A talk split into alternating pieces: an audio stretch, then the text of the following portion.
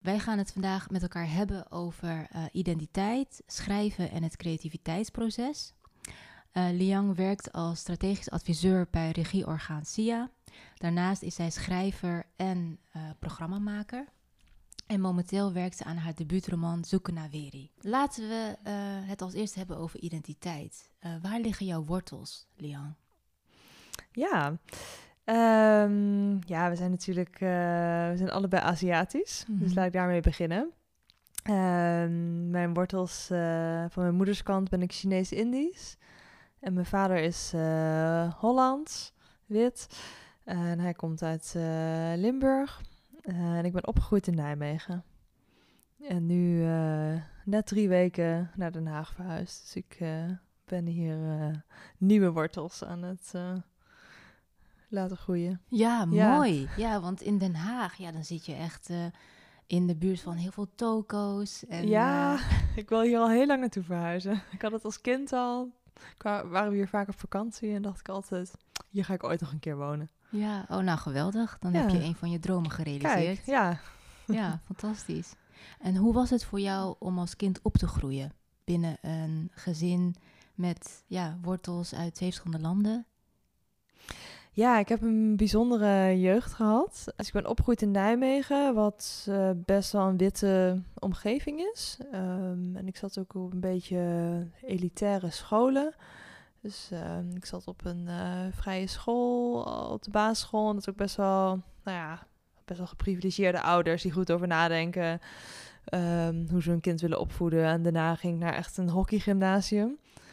Um, dus dat was zeg maar mijn jeugd. Um, daarna ging ik ook nog studeren in Nijmegen. Um, dus eigenlijk pas toen ik uh, naar de Randstad verhuisde. Toen was ik al 24. Toen zag ik pas andere mensen van kleur.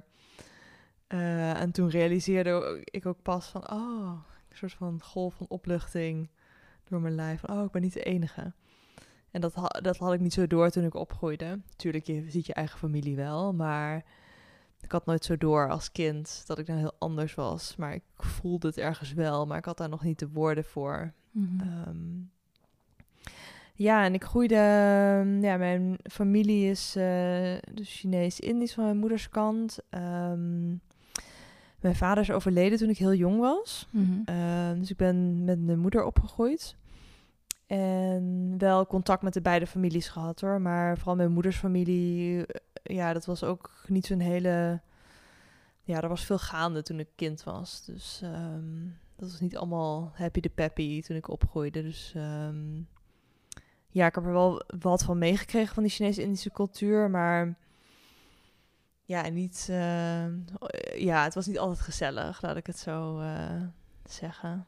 En mijn moeder is ook zelf iemand die zich ook heel erg heeft losgemaakt van die cultuur en van de. Mm eigenlijk de emancipatieslag, wat je heel vaak ziet bij migratiegezinnen, die heeft zij doorgemaakt. En die heb ik gelukkig niet hoeven door te maken.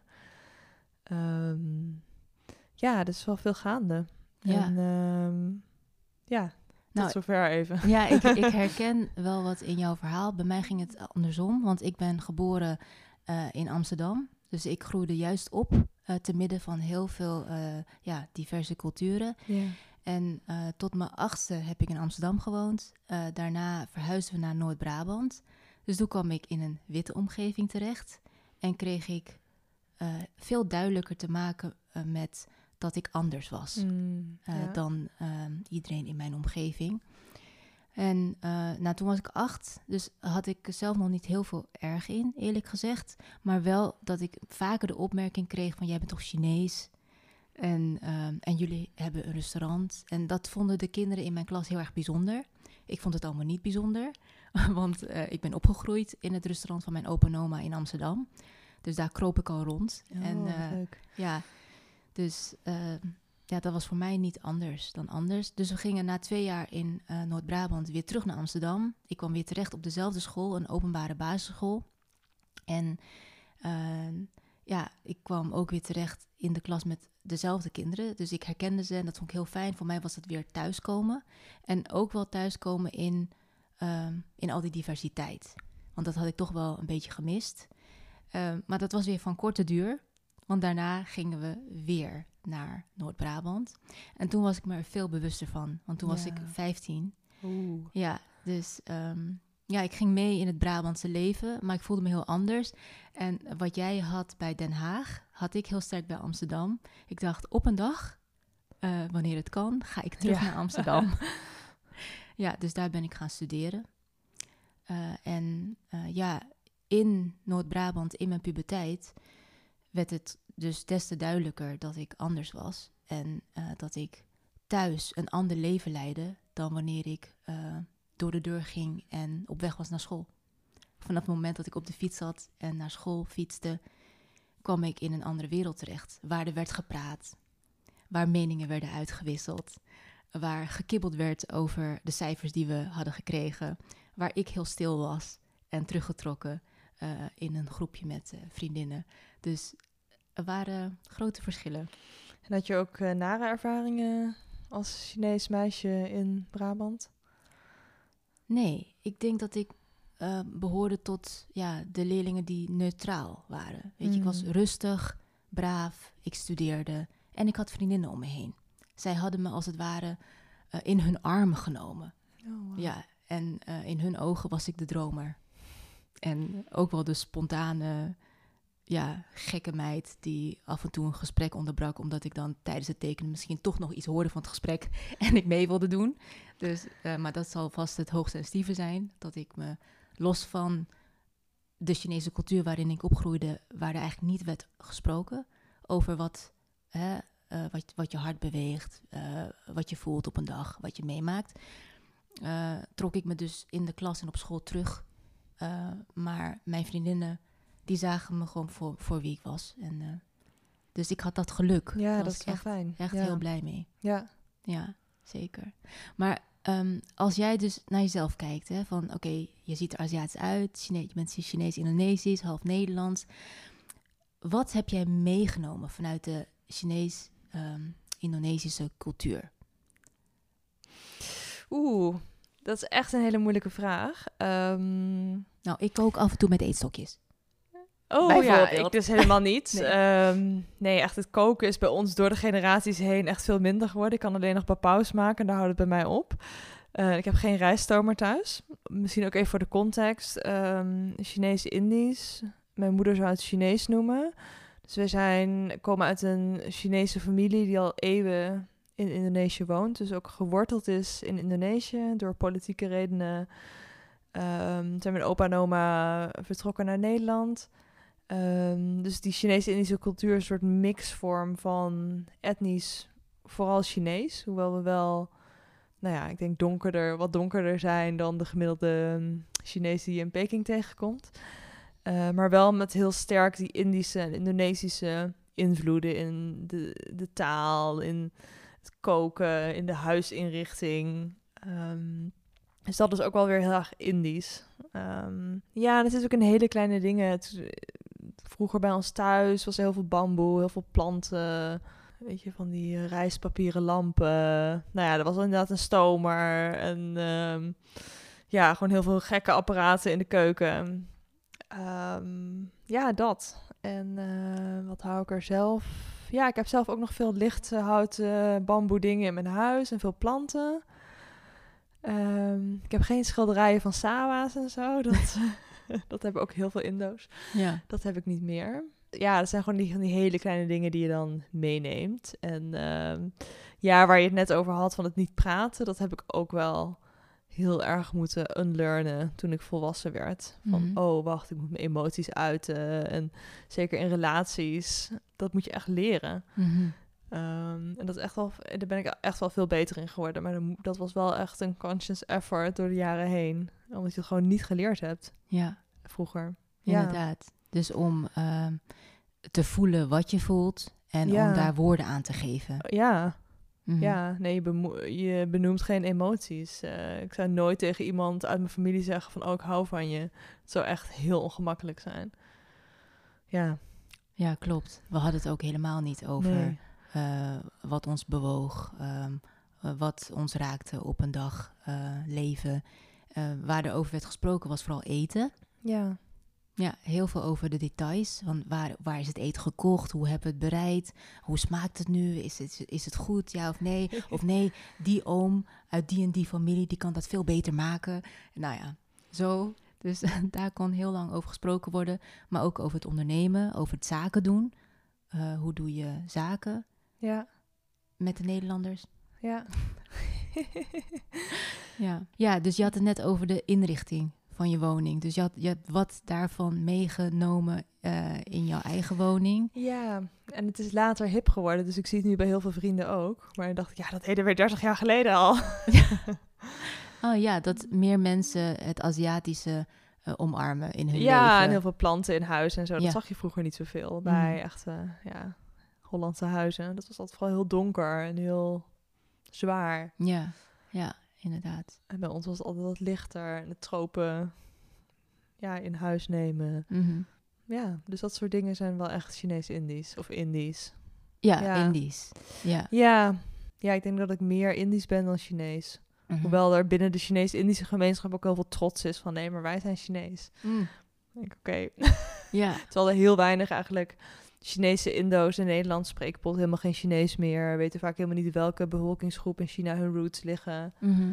Dus dat is ook wel een soort van ontworteling die door de loop van de tijd heeft plaatsgevonden. ja. Ja, en er is ook gewoon heel veel diversiteit binnen de gemeenschap en ook met andere Aziatische mensen in Nederland. Ja, ook wij hebben echt een totaal andere achtergrond. Ehm, ja, en toch wel die gemeenschappelijkheden. Dus dat vind ik wel, ja. Maar dat is natuurlijk ook iets wat van buiten niet zo vaak gezien wordt. Ik denk als mensen ons zien, dan denken ze ook wel, oh, jullie hebben echt superveel overeenkomsten. Want jullie zijn allebei Aziatisch. Maar ja, we hebben natuurlijk allebei heel veel, eh, ook verschillende kanten aan onszelf, maar ook in onze familie. Mhm. Het echt heel anders. Ja, eh, is. absoluut. Ja. ja. Maar er zijn zeker wel overeenkomsten. Ja. Ja, in, inderdaad in het eh, niet spreken over emoties. Ehm, maar misschien een bepaalde bescheiden houding. Ja, dat Herken je ook. dat? Ja. Ja, en ik weet niet of dat in mijn natuur zit of dat het deels cultureel is. Het zal Mhm. wel allebei zijn. Ja, ik heb het vermoeden dat het ook wel zeker eh, cultureel is. Ja, ik denk eventjes aan hoogsensitieve personen eh, die hè, van nature heel bewust in het leven staan, zachtaardig zijn, compassie hebben. Ik heb wel eens van mensen te horen gekregen dat ze ehm, het heel erg prettig vinden in bijvoorbeeld Indonesië, in een Mm, Aziatisch ja. land. Dat wanneer ze daar rondlopen, dat ze zich daar prettig voelen. Hm. Ja, qua hoe ze zijn van nature. Ja. Ja, oh, dat snap ik wel. En ja. bepaalde rust. ja. Ja. Ik zit nu even terug te denken aan mijn reis naar Indonesië een paar maanden geleden. Ik weet niet of ik daar nou echt tot rust ben gekomen. dat het ook natuurlijk heel druk is en heel veel mensen op straat en heel veel cultural clash. ja, zeker. Ja. Hm. Ja, ja dat, dat zal ook wel impact op je hebben, inderdaad. Ehm, qua prikkels enzovoorts. Maar, ja. maar hoe was het om terug te zijn in Indonesië? Ehm, ja, het was eh, heel fijn. Ik, ik voel me daar heel prettig. En ehm, ja, dat ja, die herkenning, dat beschrijven wel meer mensen die dan teruggaan naar het land van hun voorouders. Van, oh, je herkent het echt, de lucht en de sfeer en de mensen. Je hebt dan een gevoel van thuiskomen. En tegelijkertijd ook totaal niet, omdat je, nou, ik ben best wel, ja, wit uitgevallen en best wel groot. En voor die standaard ook best wel stevig. Dus en ja, je bent natuurlijk met je westerse normen en waarden en je westerse paspoort. Dus er is ook gigantische kloof. Mhm. En ja, je spreekt de taal. Ik spreek de taal echt helemaal niet goed. Dus Mhm. je kunt ook niet echt communiceren met elkaar. Mhm. En je snapt het land eigenlijk niet echt. Dus daardoor voelde ik me ook wel weer heel vreemd. En ehm, ja, ik voelde me daar echt veel meer een Nederlander of een Europeaan dan ik me hier voel. Want hier heb ik het echt, ja, juist het andersom. Dat ik me eigenlijk de afgelopen jaren meer Aziatisch ben gaan voelen. Ja, herken je dat? Ja, dat herken Ja? ik wel. Ja, ik denk dan even terug aan een trip die ik maakte eh, voor een organisatie waar ik werkte, alweer een hele tijd geleden. En eh, we gingen naar China. Ze zien een Chinese dame. Hmm. Dus ze verwachten dat ik Mandarijn spreek. En ik sprak, spreek het niet. Ehm, ja, dus dat is wel confronterend. Want op dat moment had ik het graag willen spreken, om er echt bij te horen. Maar ik dacht, laat ik het dan anders aanpakken en meebewegen in, ehm, in hoe zij zaken doen. Dus dan zat ik aan een ronde tafel in een ehm, eh, restaurant in een hotel en er werd uitgebreid gegeten en er werd drank aangeboden. En ik wist, ja, ze doen graag zaken met mensen die toch wel meedrinken. Ik kon niet tegen alcohol, maar ik deed wel even mee. Uh, dus op die manier um, maakte ik dan wel contact. En ja, dus dan word je dan wat creatiever in. Maar um, ik herken het wel wat je zegt, dat ik me daar westerse, westerse voelde. Ja, en hier dan weer misschien meer Chinees. Maar zoals ik net al tegen jou zei, uh, voordat we dit gesprek ingingen, op een bepaald moment in mijn leven had ik besloten dat ik cosmopolitisch ben. Omdat ik uh, graag uh, opensta voor diverse culturen, ook die achtergrond heb in mijn rugzak. En, um, en het gevoel van ik wil eigenlijk liever niet anders zijn. Ik wil ergens bij horen en dan maar alles in plaats van Nederlands of Chinees of uh, dan maar Engels. En hè, dan uh, ja. um, ontmoeten we elkaar weer, wel ergens in het midden. Uh, zo. Um, maar laten we het eens hebben over jouw Aziatische wortels en dat je op een gegeven moment ook bent gaan schrijven. Want uh, jij werkt fulltime uh, bij uh, een organisatie. En wanneer ben jij begonnen met schrijven? Ja, dat is een leuke vraag. En ik zie nu opeens de link met uh, die eerdere vraag: wat neem je mee uit jouw familie? Aha. Um, ik ne neem wel heel veel bizarre verhalen mee uit mijn familie, zowel uh, van recent als langer geleden. Um, dus daar is mijn interesse voor verhalen wel begonnen. En verder zijn ik en mijn moeder uh, echt ook vreemde eend in de bijt. Dat wij allebei heel erg van lezen houden en heel erg van films kijken. En nou, de rest van mijn familie leest helemaal niet zoveel. Um, dus dat uh, heb ik zeker wel meegenomen. Daar komt de inspiratie, uh, ja, die blijft wel stromen. um, ja, en ik heb ook altijd al geschreven hoor. Ook als kind uh, schreef ik altijd verhaaltjes. En ja, was ik wel altijd mee bezig. En nou, soms ook hoe dingen gaan. Dat je op een gegeven moment, dat je ga je naar de middelbare school. En dan ga je studeren. En dan wil je carrière maken.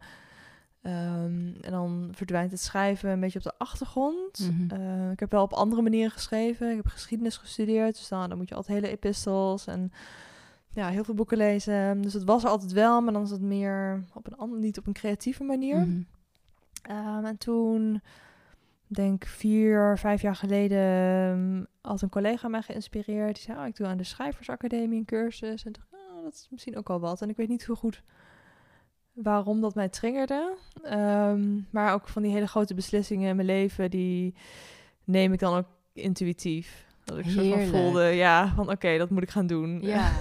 ja, zonder precies te weten wat je ermee wilde. Maar ja, je... en ik had echt niet het idee van, oh, dit doe ik om een debuutroman te gaan schrijven. Absoluut niet. Ik dacht van, oh, hier wil ik gewoon, ik wil meer ruimte maken voor schrijven in mijn leven. En ik ja. wil weer creatief bezig zijn. En uh, ja, ik was ook in die periode sowieso ook wel weer meer gaan lezen. Dat heb ik ook jaren niet zo gedaan. Ja, niet voor je plezier. Want ja. er is wel een verschil hè, tussen ja, lezen voor je werk of uh, lezen voor plezier. Ja, precies. Uh, ja, rond die tijd was ik ook een boekenclub begonnen met wat mensen. Toen liefde voor het lezen weer teruggevonden. En ja, toen kwam die collega met, uh, die dus al een creatieve schrijfcursus deed.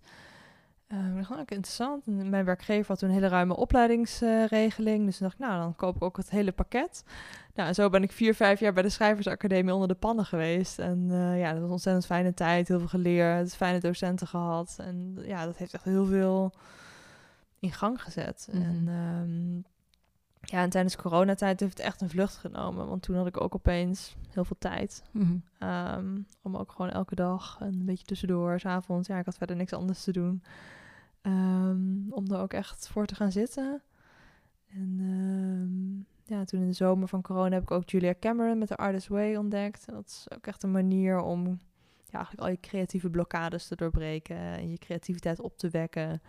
En een van de methodieken die ze ja, praktiseert is elke ochtend drie pagina's met de hand schrijven, de morning pages. Nou, daar ben ik ook mee begonnen in coronatijd. En dat heeft ook heel veel losgemaakt en allemaal dieptes aangeboord ik niet wist dat ik die had. Zowel op schrijfgebied als ook op andere gebieden. Dus ja, sindsdien ben ik het schrijven serieus gaan aanpakken. Ja, klinkt goed. Ja, zeker. Ja. Ja, ik vind het waanzinnig hoe je dat combineert met eh, fulltime werken.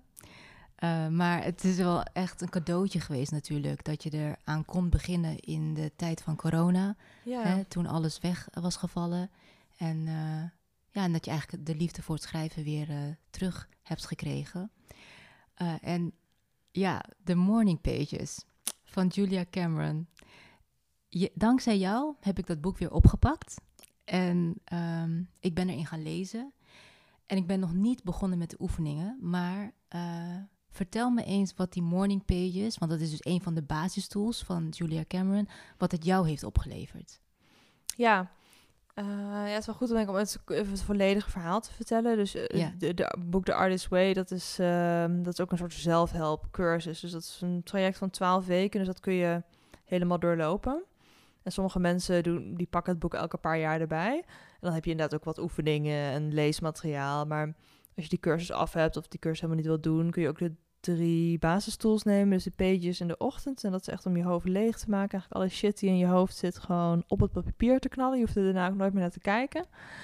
Um, maar net zo belangrijk is om ook weer je geest te voeden. Door artist dates met jezelf, twee uur per week. Je mag je man, je kinderen, vrienden niet meenemen. Je moet echt iets voor jezelf doen om echt die inspiratie te laten stromen. -hmm. En de derde tool, die heeft ze later toegevoegd, is uh, een wandeling te maken. Dus het is eigenlijk artist brain activity, dat je gewoon even stand op nul. Je mag ook gewoon het huis gaan poetsen of de was gaan ophangen. Dat is ook gewoon een soort van meditatieve tools. Mm -hmm. uh, werkt allemaal ontzettend goed en het is een beetje zweverig. En als je het nog niet hebt gedaan, denk je, oh, hm, gaat het wel werken? Maar het werkt. Uh, en vooral die morning pages zijn voor mij echt heel nuttig geweest. Um, daar zit ook denk ik de link, want je noemde net van, oh, je werkt ook fulltime en hoe combineer je dat dan? Voor mij gaan de morning pages niet eens alleen over schrijven. Um, omdat je gewoon alles wat in je hoofd zit eruit knalt. Ja. Dus soms is het ook gewoon klagen, oh, ik ben moe, dit, Mhm. dat. Um, ik ben in die morning pages ben ik echt op van alles gaan reflecteren van ja, nou, ik noemde net ook de situatie met mijn familie toen ik jong was. Nou, ook op ge- dan ging ik op een ochtend gewoon even, nou, wat is er allemaal gebeurd eigenlijk? En waar voel ik nog wrok? Nou, ga het maar uitschrijven.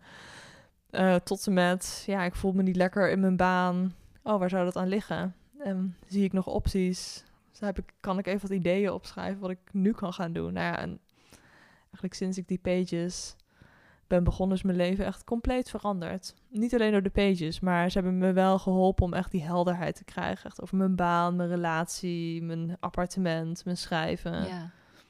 Ja, geweldig. Wat ik er zo mooi aan vind en wat me is bijgebleven door te lezen over eh, hoe, hoe zij dat ziet, hè, de morning pages, is dat wanneer je aan het schrijven bent over een bepaald probleem in je leven, dat je op een gegeven moment ehm, ook wel naar de oplossing toe gaat schrijven. Want je Ja. kan heel lang natuurlijk klagen en alles van je afschrijven op een negatieve manier. ja. Maar op een gegeven moment ga je voelen dat je iets anders wilt. En dan ga je dat opschrijven. Of eh, zelfs dat je in contact komt met de creatieve energie of levensstroom ja. eh, die jou leidt, als het ware. Ook in het wat je dan gaat opschrijven op dat moment. En nog iets bijzonders, ehm, waarvan ik echt denk, die ga ik toepassen. Als je s'avonds uh, bedenkt ehm, dat je een vraag hebt ergens over, dat je die stelt. En dan ga je slapen. Eh, dus je geeft zelf nog geen antwoord op die vraag. En de volgende dag ga je eh, de morning pages schrijven. Hm, interessant. Ja, en dan zou het zomaar kunnen zijn dat het antwoord op de vragen die je s'avonds had gesteld, dat die dan uit je handen komen. Ja. ja, het zit Ja. al in je, dat geloof ik wel. Ja, dus ze beschrijft het met zoveel detail. Want je kan de morning pages schrijven ehm, ja, zoals ze dat in, in een, de eerste alinea omschrijft. Maar als je dan verder gaat lezen, denk je, oh, dit komt er nog bij en dat komt nog bij. En dat kan je allemaal erin integreren. Ja, en zeker ook als je die 12 weekse traject volgt. En het een be- ja, ik kan wel aanraden om het dan ook echt in 12 weken te doen, met een beetje uitlopen. Hè? Ehm, omdat je alles wat zij beschrijft in, in, dat, in ja, het verloop van die cursus, dat herken je dan ook heel erg. En bijvoorbeeld hoofdstuk 10, dan heeft het volgens mij over creative U-turns.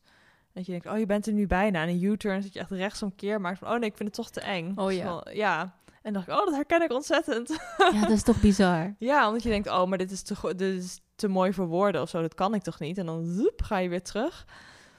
Ehm, ja, en daar, ja, dat benoemt ze dan. denk je, holy shit, dat heb ik ook, eh, dat ervaar ik nu. En eh denk En oh, hoe- oké, ik ben niet de enige. Nee, inderdaad, je bent niet de enige. En, en hoe kwam je dan weer op het pad? Ja, Van- gewoon doorgaan. ja, gewoon de doorgaan. volgende dag weer eh, Ja. schrijven en dan toch weer die wandeling maken en eh, Ja. zo door. Ja, Ja. zo door.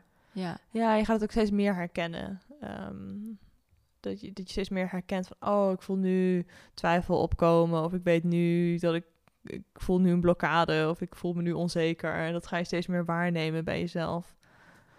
Terwijl je daar eerst misschien door liet afremmen om bepaalde stappen te nemen. Mm.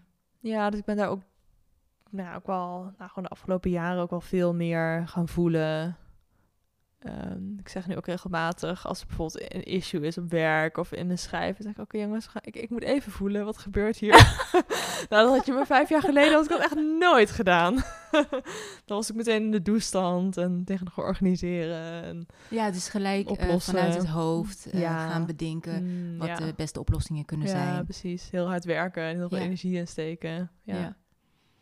Ja. dus het hebben gedaan van die 12-weekse cursus heeft eh, voor jou positieve effecten opgeleverd op meerdere vlakken in je leven. Dus zowel persoonlijk eh, als professioneel. ja. Ja. En het heeft je aan het schrijven gekregen. Ja. Heel veel schrijven. Ja, dat in combinatie met de schrijfsacademie. Ehm, wanneer was voor jou het moment dat jij dacht: oké, nu ga ik het een niveautje hoger tillen? Ja, dat moment kwam eigenlijk eh, ongevraagd. Ongevraagd! ja, soms heb je gewoon een zetje nodig. nee, ik had, ehm, ehm, ik had meegedaan aan een schrijfwedstrijd. En ehm, ik was al wel door naar de tweede ronde. Dus ik was in ieder geval bij de laatste twaalf. En nou moesten we ons... En dan hadden we in groep eh geworkshopt en eh, een laatste versie ingeleverd. En dan de winnaar zou in een bundel verschijnen.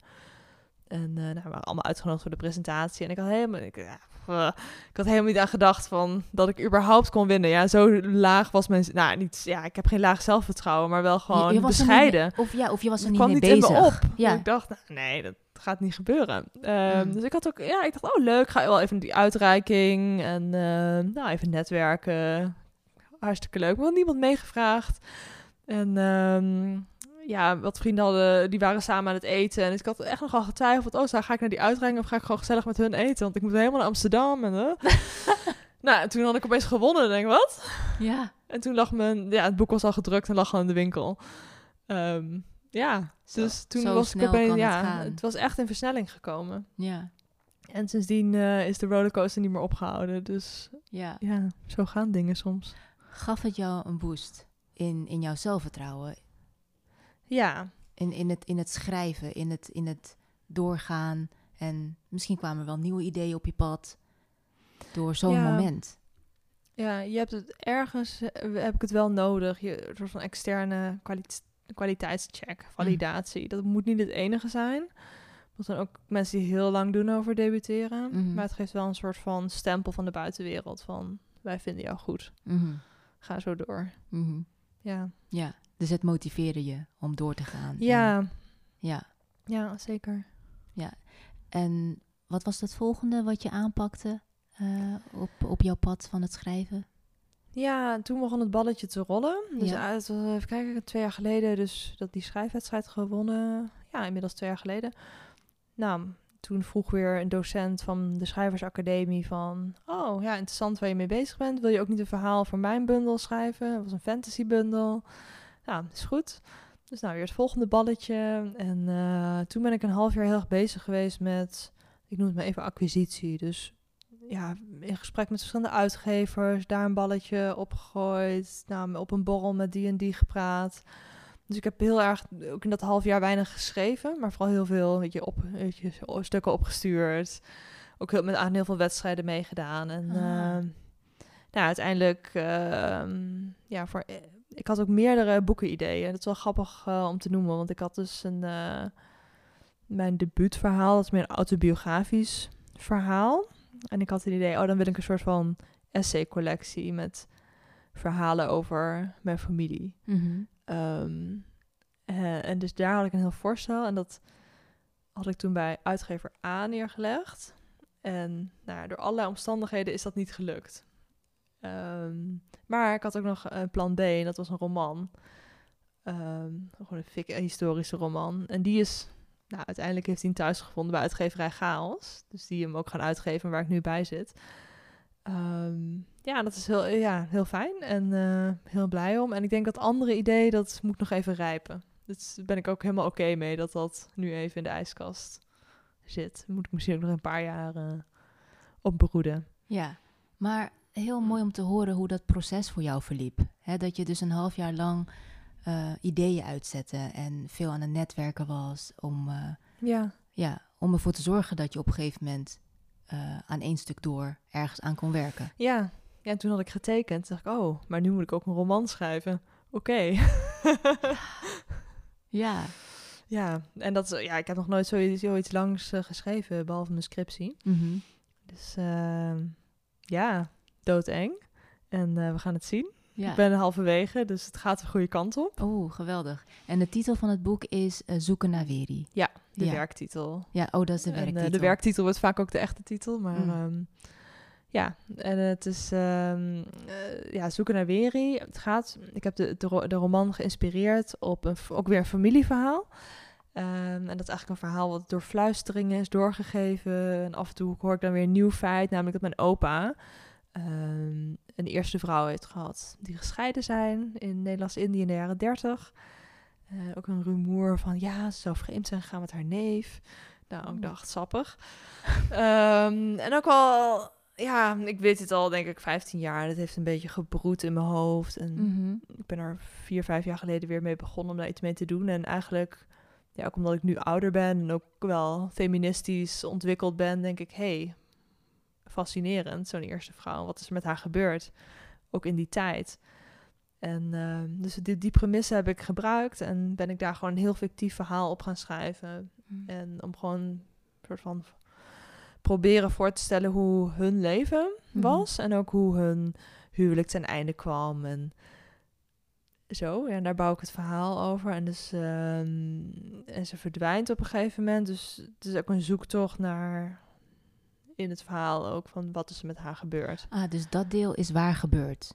Dus dat die eerste vrouw van jouw Opa, opa vreemd ging met een neef. Ja, ja nou dat, Dat, of dat is meer... Dat een weet ik niet of het ja. waar is. Nee, Want inderdaad. hoe meer ik verder in het schrijfproces kom, eh, probeer het ook een beetje ja, in te beelden. En eh, het is ook wel grappig, want als je met personages schrijft, die gaan op een gegeven moment hun eigen verhaal vertellen. En kunnen ook een andere Ja. kant van zichzelf laten zien. Oh, geweldig. Dat ik op een gegeven moment dacht, hé, hey, is misschien mijn opa de bad guy? Interessant, toch? Ja. Mhm. En eh, wel, hij is een beetje de patriarch van de familie. Had een beetje, heeft ook, is ook jong gestorven en allemaal heel tragisch. Dus hij is een beetje op een voetstuk geplaatst. Ook door mijn moeder en haar broers en zussen, wat logisch is. Ja. Toen dacht ik, van, ja, eigenlijk best wel stom eh, Mhm. dat ze zijn gescheiden. En ze hebben ook volgens mij omdat zij geen kinderen kon krijgen. Mm. En wat doet hij vervolgens? Trouwt met een twaalf jaar jongere vrouw en krijgt twaalf kinderen met haar. En mijn oma, ja, is een lieve schat, maar ja, ook best wel naïef en jonger. Mhm. Dus ik denk, nou, ik weet niet. Ja. ja, interessant. Ja, en ik vind het ook heel interessant omdat... En ook een beetje meer op een metaniveau van... oh, wat gebeurt er als je geen kinderen hebt... of als je een ander levenspad kiest. Mhm. Dus ik, zie, ik voel ook wel... ja, de, mm, een soort van affiniteit met die eerste vrouw. Omdat ik zelf... ik voel een beetje van... oh, ik lijk een beetje op haar. Mhm. Ja. Ehm, En zo Ja. als schrijvende ja, Ja. kom je op verschillende waarheden terecht en ga je voelen van oké, Ja, ja, en het boek speelt ook heel erg met wat is de waarheid. En op het eind, ja, ik weet nog niet helemaal hoe het gaat aflopen, maar als- waarschijnlijk als lezer weet je op het eind nog steeds niet wat er nou waar gebeurd is en wie, oh echt. ja. ehm, wie de waarheid vertelt. En misschien doet het er ook niet toe, want iedereen heeft zijn eigen waarheid. Het is zo fascinerend om te horen hoe, die- hoe, hoe jouw eh, fantasie, hoe de fantasie werkt. Zeg maar. Ja, ja, want het begint ergens, dus met, met iets wat je ingefluisterd gekregen had. En wat ik me afvraag is, heb je dan ook nog ehm, wat bronnen geraadpleegd in de familie? ja in de dat familie. je, hè, dat eh, je er ver is, terug eh, bent gegaan om toch wat verhalen te verzamelen daarover. Ja, misschien kan dat werken voor voeding, om, om je fantasie hè, meer, meer kanten op te laten gaan. Of, Ja, Ja. ja, er zijn zo heel veel anekdotes en verhalen uit de familie. Ja. Maar nee, ik weet dus het feit dat mijn opa een eerste vrouw had. ehm, nou, dat rumoer van dat ze vreemd was gegaan, dat ze geen kinderen hadden. Eh, ik heb één foto. Mm. Dat ze, die zat ergens in een of ander mapje verstopt. En ehm, de trouwakte van mijn opa en oma, waarop staat ehm, dat hij de gescheiden echtgenoot is van Tan Weri. dacht ik, ah, Weri, oké. Een beetje gekke naam, dus dat, dat is me ook altijd bijgebleven. En Mm. verder weet ik niks. Dus Nee. verder is het allemaal verzonnen wat Ja. ik in mijn boek eh, Ja. schrijf. En ik laat me wel inspireren door nou, vergelijkbare verhalen. En ik ben bijvoorbeeld in Singapore en in Jakarta ben ook naar musea gegaan. Om ook een beetje gevoel te krijgen van oké, hoe was het dan hier om in het jaren 20, 30 rond te lopen als Chinese vrouw. Ja. Ehm, ja, en ik lees ook veel. En bijvoorbeeld het Chinees-Indisch Herinneringscentrum in Leiden Mhm. heeft hele mooie publieksdagen en Mhm. heeft ook een aantal interessante boeken uitgegeven. Mhm. Dus daar haal ik ook wel inspiratie uit. Het hoeft niet allemaal op mijn eigen familie gebaseerd te zijn. Ja, ja, zeker. Nou, dat is hoe creativiteit werkt. Ja. Hè? ja. ja, inderdaad. Ja, mooi. Mooi om je te laten inspireren en dat samen te laten gaan met, met hoe jouw brein werkt. En eh, Ja. hè, wat daaruit gaat komen. Dus wanneer eh, zal dit boek uitkomen? Ehm, ik hoop in 2025. Over twee jaar. Ja, ik ga nu nog de tweede helft schrijven komend jaar. Mm. En dat moet ook nog wel geredigeerd worden. Dus ik ben nu nog heel optimistisch. Mm. Dus misschien als je me over een half jaar spreekt, dan heb ik de eerste versie met de rode pen eh, teruggekregen. En dan denk ik, welke kant moet dit op? Ehm, maar nu loopt de planning nog goed. En eh, Mhm. ik denk 2025, eh eerste helft. Ja. Laten we erop hopen. Ja, dan wordt die gepubliceerd. Waar ik het graag nog met je over wil hebben, is nog steeds die combinatie tussen fulltime werken en het schrijverschap. Eh, want ik geloof dat het heel interessant is voor eh, kijkers en luisteraars eh, die ook graag creatiever ehm, willen zijn in hun leven. Ik heb verschillende verhalen gehoord van mensen die inderdaad fulltime werken en daarnaast simpelweg geen energie hebben Hmm. om bijvoorbeeld te gaan schrijven of iets met hout te gaan doen of ehm, ja, iets met klei. Hè, want je hebt heel veel verschillende creatieve uitingsvormen waar je tijd voor kan maken natuurlijk. Maar eh, vaak door gebrek aan tijd, ruimte en energie komt het er niet van. Dus Ja. er is een hevig conflict in, in de persoon zelf. En wat ik zelf geloof over creativiteit, is dat we creatief geboren worden. Dus als ik naar mijn kinderen kijk, eh 13 en 7 jaar, zij willen de hele tijd maken. Ja, en wat ik daar ook zo mooi van vind, is datgene wat ze maken, dat willen ze laten zien. Van, hé hey mam, wat vind je daarvan? Ja, ja, ja. Ja, kijk, ik heb dit gemaakt. Hij ziet er nu weer wat anders uit. Dat is dan over Lego. Ehm, ja, maar en ik geloof dus dat het heel eigen is voor de mens om te willen creëren. Ja. En dat dat je gezond houdt en vrolijk houdt. Dus eh, ja, ik wil het eigenlijk alleen maar aanmoedigen. Dus ik ben heel benieuwd of jij daar eh, over je inzichten wil delen, tips om het toch beetje bij beetje te integreren in je leven. Ja, ik denk wat je zegt, beetje bij beetje, dat is echt de sleutel. Mm. Eh, ik denk dat heel veel mensen het ook groot maken van... oh, ik wil ooit nog een boek schrijven, oh, ik wil ooit nog dit of dat. Ehm, maar ik denk dat je het beste gewoon kunt beginnen met... Nou ja, bijvoorbeeld zoals ik doe, elke ochtend gewoon een half uurtje schrijven. Ehm, of gewoon als je meer boeken wil lezen, nou, elke dag een kwartiertje gaan lezen. En zo, stap voor stap. Het hoeft niet allemaal heel groot meteen of heel fanatiek. Mhm. Ehm, en ik denk dat je elke dag wel, nou, al heb je maar een kwartiertje. Ja, ik, ik geloof gewoon heel erg dat het een gewoonte moet zijn. Of je nou gaat mediteren, een taal gaat leren, gaat lezen, schrijven, boetseren. Mhm. Ehm, ja, als je gewoon elke dag een beetje doet, dan heb je aan het eind van de week of het eind van de maand, ja, ligt er opeens wat. Ik denk dat dat ook voor iedereen ehm, haalbaar kan zijn. En ook wel waar we het net over hadden, van wat als je helemaal uitgeput bent van je werk. Ja, dat herken ik wel heel erg. En ik heb ook echt wat periodes dat het werk heel veel van me vraagt. Maar ik probeer mijn werk ook wel zo te in te richten dat ik mijn werk ook leuk vind. Ik bedoel, daar krijg ik ook energie van. Ehm, en daar de balans ook in te houden. Eh, maar dat is ook wel, de balans is ook wel eens verkeerd geweest. Ehm, en dan kwam het schrijven er inderdaad niet van. Mhm. Ja, ja, Ja. inderdaad. Ja, inderdaad. Met, met kleine beetjes beginnen. Dat, dat is dus ehm, de manier om te starten met creatieve woorden. Eh, ik denk nu even terug aan wat Julia Cameron schreef eh, over wat er in die morning pages allemaal terug kan komen. Dus ook heel veel heftige emoties kunnen eh, losgemaakt worden hè, wanneer je zo aan het schrijven gaat. eh, om je hoofd leeg te maken. Maar ook, denk ik, als je langzaamaan hè, die leuke dingen aan jezelf gaat gunnen, Ja, eh, dan kan dat ook iets vrijmaken in je systeem. Hè, vooral als je jarenlang ehm, voor je gevoel vast hebt gezeten in een bepaald, ja, in een bepaalde context van Ja. werk of gezin of hè, alles wat je in je leven kan doen, waardoor er geen ruimte was voor creativiteit. Dus Ja. dan ga je langzaam beginnen, denk je, oh, boetseren, oh, opeens ga je voelen, bijvoorbeeld. Hè? Dan ja, voel je wa- wat meer je lijf. En ja, ik denk dat dat ook heel veel vrij kan maken. Dus ja, hoe, hoe ben jij daarmee omgegaan? Dus hè, als, als je merkt van, oké, poeh, zo, dit maakt plezier vrij, maar Ja. ook een soort van frustratie. ja. Het is ook wel zo dat Julia Cameron me ook wel heeft geleerd dat je niet perfect, nou, veel meer wat in, perfect uitgerust, perfect fit, helemaal georganiseerd hoeft te zijn om creatief te zijn. Ehm, maar dat je juist ook, ja, ik heb mijn dag niet moe, maar er komt wel wat. En misschien ga je niet de perfecte tekst schrijven, maar het komt wel. Maar het geldt natuurlijk voor heel veel dingen. Je hoeft niet eh, je streefgewicht te hebben om een leuke jurk aan te doen. Op een gegeven moment, ja, het hoeft allemaal niet perfect. En dat eh, is denk ik wel een hele goede les eh, Ja, hierin. oh zeker.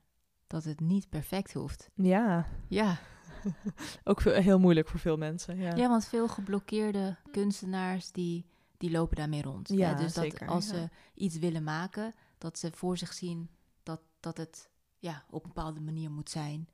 En, eh, en dat dat dan niet haalbaar is. Want je begint namelijk klein. Dus ja dan precies. is het er nog niet. Ja. Dat zijn wel hele mooie inzichten. Dus gewoon beginnen. Ja. niet Ja. uitstellen. Ja, niet uitstellen, maar jezelf die tijd gunnen om het, eh, op, om het op te pakken. Ja, en ook, eh, nou, ik vond het wel leuk wat je zei over je dochters, dat ze het ook willen laten zien. Nou, dat vond ik ook heel leuk aan eh, bijvoorbeeld de Schrijversacademie. Daar gewoon een schrijfcursus. Ik bedoel, dat maakt niet uit welke je kiest, maar eh, je bent en je moet elke week een opdracht inleveren, maar je moet vaak ook het voorlezen aan anderen. Dat is ook echt een drempel die je over moet, maar dat is ook super nuttig om gewoon feedback te horen en ja, en dan weer verder te kunnen. Dus dat is ook wel heel waardevol. Ik ben bijvoorbeeld in coronatijd ook een schrijfclub begonnen. Ehm, en we zijn nu iets minder actief, maar komen dan één keer per maand bij elkaar. En ook gewoon met gezelligheid en een paar schrijfoefeningen. En dan gaan we ook, ook gewoon elkaars werk delen en ja, elkaar tips geven. Dus dat geeft ook wel heel veel energie. En ik ben iemand die en introvert en ook extrovert is. Dus ik vind het heel leuk hoor, om in mijn eentje te schrijven en te lezen. Maar op een gegeven moment heb ik ook wel weer input nodig. En vind ik het ook leuk om ja, gewoon gezellig mensen bij elkaar te hebben. Ja, met like-minded people Ja, eh, eigenlijk te spelen. Ja, precies. Ja. En als je interesses volgt, dan komt er vanzelf ook wel je tribe, komt dan vanzelf al op je pad. Ja, oh, dat, ja, dat vind ik heel mooi gezegd. Ja. En ook een hele mooie afsluiter van dit gesprek. Doe wat je leuk vindt en je tribe zal eh, ontstaan. ja. Ja. Nou, mooie les. ja, zeker. Ja, Ja. dat heb jij natuurlijk ook met je energy talk, dat je allemaal mooie mensen Absoluut. kunt spreken. Ja, absoluut. Ja, zeker. Dus ik voel me daarin ook zeker gedragen. Ja, dus eh, je inspireert me om, eh, om die oefeningen te gaan doen. Ja, Kijk. ik ga daar een moment voor prikken en vanaf dat moment ga ik het doen. Yes. Ja. Dus nou, dankjewel Liang Yes, voor dit mooie leuk. gesprek.